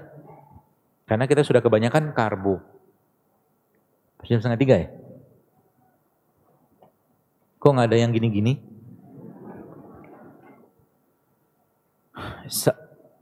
Om saya sudah sedang sakit sejak beberapa bulan lalu, sudah turun berat badan 6, 6 kg. Awal rasa pusing, depresi, nanti diagnosa sinusitis, sampai kemudian diperiksa lagi, CT scan hasilnya bersih, gak ada sinus, akhirnya serang, sekarang terapi sinse. Sudah tiga kali bekam dan totok kondisi masih pusing tak kunjung hilang. Mohon sarannya dok, puasa. Sarannya puasa. Lab, saya pernah ada bikin di YouTube. Saya bilang, situ saya bilang, medical check up bagus nggak bagus, tapi di situ hanya mengukur angka.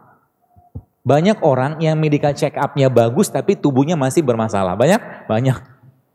Muncul dari mana? Sama kayak mobil. Mobil itu kalau mobilnya mobil bagus, mobil mewah, maka jangan isi dengan premium, isi dengan pertama. Kalau mobilnya mahal, sebelah mobil sport car gitu kan diisi dengan misalkan diisi dengan apa tuh namanya premium, maka mobilnya lama-lama ngeluh juga di starter susah, tiba-tiba monggok yang ujung-ujungnya yang bawa mobilnya stres. Sama kayak badan kita.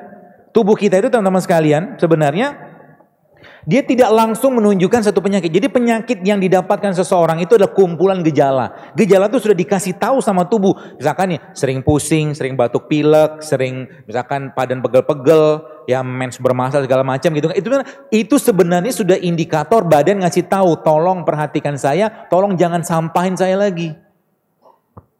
Itu sebenarnya. Jadi kalau ketemu kayak begini apa yang dikerjakan? Ubah semua polanya, ajak omnya ini berpuasa. Atau kalau nggak berpuasa, biasakan lapar. Nama kerennya intermittent fasting. Ya. Apa yang kemudian apa yang kemudian dilakukan? Makan semua jenis rimpang-rimpangan, makan semua jenis bumbu-bumbuan, makan produk lebah, nanti hilang semua tuh. Insya Allah. Asal hulunya di stop yang bikin dia sakit. Tanya makannya apa. Jadi kalau kita ngobatin orang, kita misalkan orang tanya, saya begini-begini, tanya dulu makan tiap harinya apa. Karena itu kuncinya di situ. Kalau kita belum mampu memperbaiki isi piring kita, berat untuk diobatin penyakitnya, teman-teman sekalian. Ini pertanyaannya panjang betul. Yang dikit-dikit aja ya. Kenapa ada orang yang makannya banyak tapi nggak gemuk-gemuk? Cacingan mungkin. Tapi ada orang yang makan sedikit.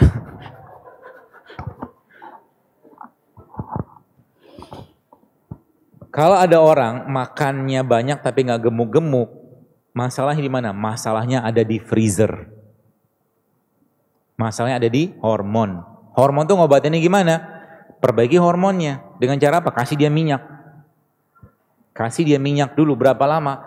Saya biasa sarankan sekitar sebulan. Jadi dia makan minyak sama makan lemak yang baik. Contoh lemak yang baik apa? Minyak zaitun, uh, alpukat, itu lemak yang baik. Makan selama sebulan. Perbaiki. Dan kurangi karbonya. Ya, habis itu ngapain? Habis itu dia harus latihan beban kehidupan. bukan. Latihan beban itu bukan pakai barbel ya. Latihan beban itu kayak plank, squat, push up, latihan beban itu. Sebab itu akan me, me apa namanya? stimulus growth hormone. Hormone itu kalau dia muncul, maka yang terjadi apa? Dia akan makan sel-sel yang rusak, masya Allah kan. Dan gerakan itu bisa Anda kerjakan kapan? Sholat. Sholat adalah gerakan stretching dan relax yang paling baik. Syaratnya apa? Solu kama ro'aitumuni usolli. Kalau muslim kita ya, teman-teman kita semua, kalau ngikutin bagaimana sujudnya Nabi, maka saya katakan niscaya tidak akan ada orang yang susah buang air besar. Caranya gimana? Teman-teman coba gini, nanti praktekkan, jangan sekarang waktu sholat. Sholat tuh kalau dikerjakan benar-benar itu bisa bikin keringetan Posisi tangan kita, posisi takbiratul ihram kita, posisi ruku kita, posisi sujud kita itu subhanallah. Itu semua gerakan-gerakan strike, narik, ngendurin, narik, ngendurin, stretching, relax gitu lah. Termasuk kenapa Nabi itu lama banget ruku dan sujudnya. Karena itu kalau bahasa, saya membahasakan saja ya, tapi kita tidak melakukan sholat untuk sehat. Ingat, kita melakukan semua amal ibadah karena perintah dan kewajiban. Sehat itu efek sampingnya saja. Itu kata kuncinya, jangan keliru. Puasa bikin sehat, betul, tapi kita tidak puasa untuk sehat. Kita puasa karena perintah Allah. Jadi sehat itu sebuah karunia saja dari Allah. Contoh misalkan kita bicara tentang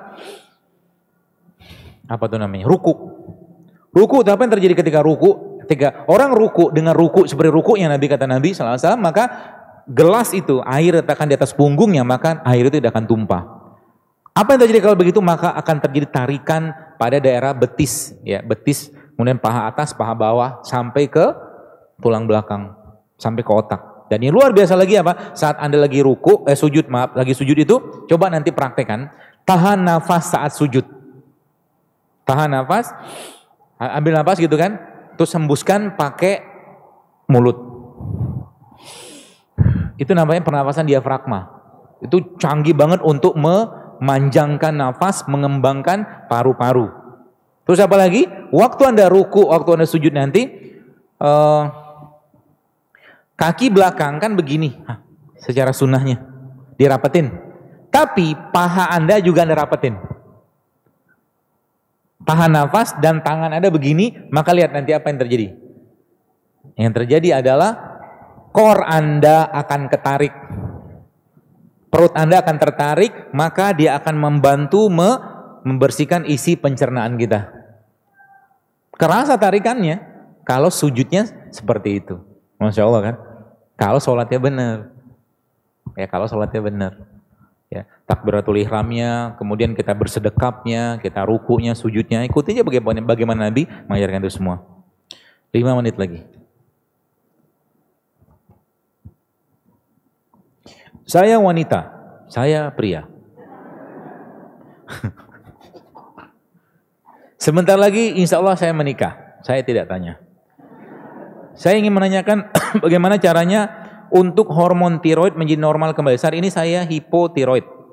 Kadar hormon TSH saya masih naik turun dan pada pada kasus saya apakah saya melakukan program apakah sebaiknya saya bisa melakukan program hamil dulu Uh, dan insya Allah pada anak yang saya kandung akan baik-baik saja kan? Iya, insya Allah baik-baik saja. Kalau anda perbaiki dulu.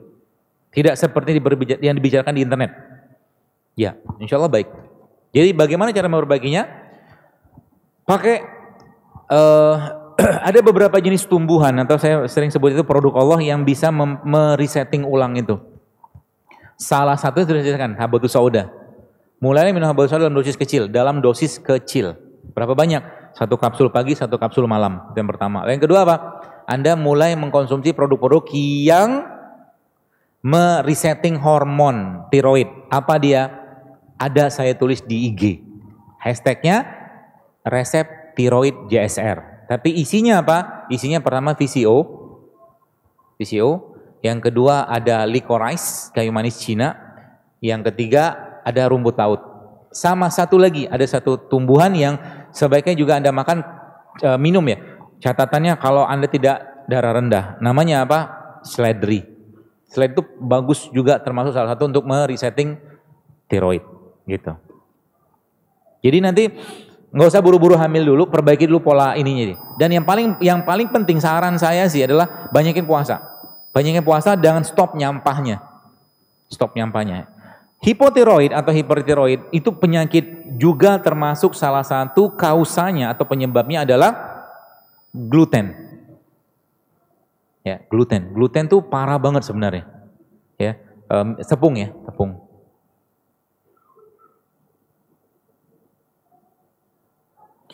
Dokter saya mau tanya tentang essential oil yang tren saat ini. Bagaimana menurut dokter tentang oil tersebut yang belum ada sertifikat halalnya? Walaupun bahan bahan tumbuh-tumbuhan.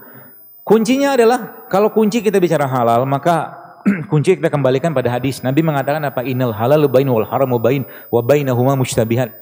Halal itu jelas, haram itu jelas di antara keduanya ada syubhat. Kalau ragu tinggalin. Itu aja. Jadi kalau Anda mau pakai sesuatu dan Anda ragu jangan pakai. Ya, tapi kalau Anda yakin ya udah pakai aja. Bagus nggak? Bagus. Essential oil atau minyak-minyak volatil sebenarnya ada dalam, saya lupa kitab apa, tapi dalam salah satu kitab pengobatan Nabi ada. Dan memang disarankan untuk dipakai. Essential oil. Tapi essential oil sebenarnya nggak usah pusing-pusing. Ada cara aja minyak serai, minyak minyak cengkeh, minyak jahe. Itu essential oil semua sebenarnya. Nah itu yang dikembangkan di India namanya Ayurveda. Jadi orang yang ibu yang tadi saja yang menopause awal itu dia salah satunya dia melumuri badannya dengan minyak itu. Saya lupa minyak apa, sehingga saya minyak essential oil lah seperti itu. Tapi kalau kita di Indonesia banyak kok sebenarnya minyak cengkeh, minyak nilam, ya itu kan essential oil semua sebenarnya. Makanya Universitas Brawijaya sekarang dia bikin institut asiri. Karena minyak asiri ini kalau boleh saya katakan dia harta karunnya Indonesia. Seluruh kosmetik parfum pasti pakai minyak asiri. Ya. Jadi kita bisa pakai bisa. Ya. Buat diminum boleh nggak? Boleh. Termasuk untuk orang-orang yang lagi flu itu boleh pakai minyak asiri. Minyak esensial atau salah satunya ya. Jadi bagaimana hukumnya jika menghirup uap dari minyak tersebut saat hidung tersumbat saat lagi puasa? Setahu saya dari hidung nggak masalah. Setahu saya. Saya tanya sama ustadz yang ahli fikihnya. Setahu saya nggak masalah kalau dari hidung. Apa jenis makanan pengganti DHA untuk otak dari jenis makanan yang ada di Indonesia? Pegagan, antanan. Tahu? di browsing aja lah nanti. Dia mengandung DHA, ya, dia mengandung uh, pokoknya dia vitamin buat otak lah, pegagan atau antanan itu. Ya, itu salah satunya. Ginkgo biloba juga sama. Itu juga dia buat otak. Kemudian apa lagi? Paling gampang makanlah ikan teri. Itu omega 3-nya luar biasa. Dia satu kesatuan tuh, omega 3, DHA, EPHA gitu kan. Dia satu urutan sih nggak saya. Jadi makan aja ikan. Ikan yang paling baik apa? Ya semua sih baik ya. Ikan kayak ikan gabus itu dia juga tinggi omega 3-nya, DHA juga tinggi. Ya, bandeng juga sama. Seperti itu. Saya kira mungkin cukup. Panitia, cukup ya? Ya, alhamdulillah. Baik, mudah-mudahan ini menjadi saksi bahwa Anda ingin berubah yang nggak kebaca ya.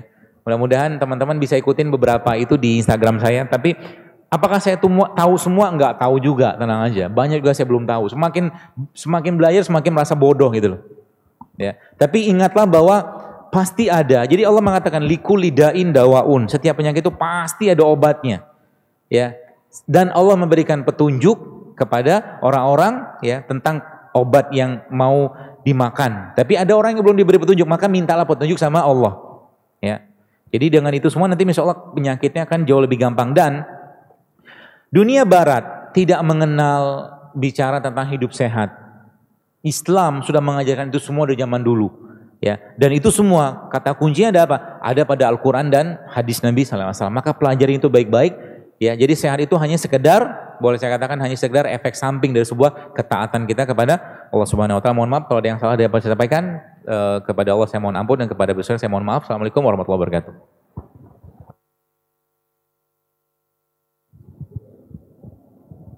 Siap hidup sehat teman-teman?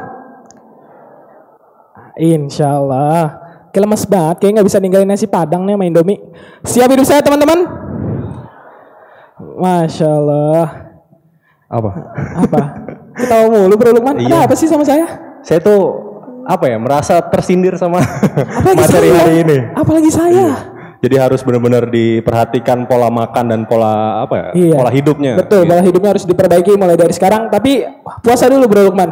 Kita mereset semuanya, habis itu ganti dengan yang baik-baik. Ya, insya Allah. Insya Allah. Satu bulan lagi kita akan melaksanakan bulan suci Ramadan dengan berpuasa.